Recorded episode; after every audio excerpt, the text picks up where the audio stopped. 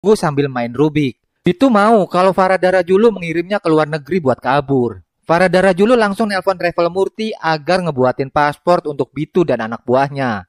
Madu ternyata bekerja di biro perjalanan milik Travel Murti. Madu ditelepon sama bosnya untuk janjian ketemu dan mengambil berkas pembuatan paspor anak buah Bitu. Tiba-tiba, polisi mengenali anak buah Bitu dan berniat untuk menangkap. Pas mau ditangkap, anak buah Bitu melakukan perlawanan dan berhasil mengambil pistol milik polisi. Terus kabur ke arah kerumunan anak sekolah yang lagi olahraga.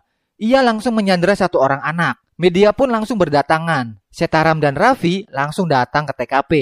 Raffi langsung mengambil pistol Setaram dan menembak anak buah Bitu tepat di kepalanya hingga tewas. Besok paginya, Raffi ngunjungin Setaram di kantornya.